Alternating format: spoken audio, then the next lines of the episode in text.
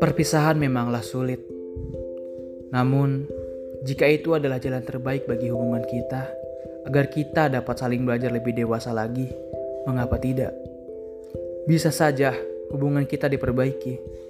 Namun, jika akhirnya kita bertengkar lagi, bukankah perpisahan adalah pilihan yang tepat?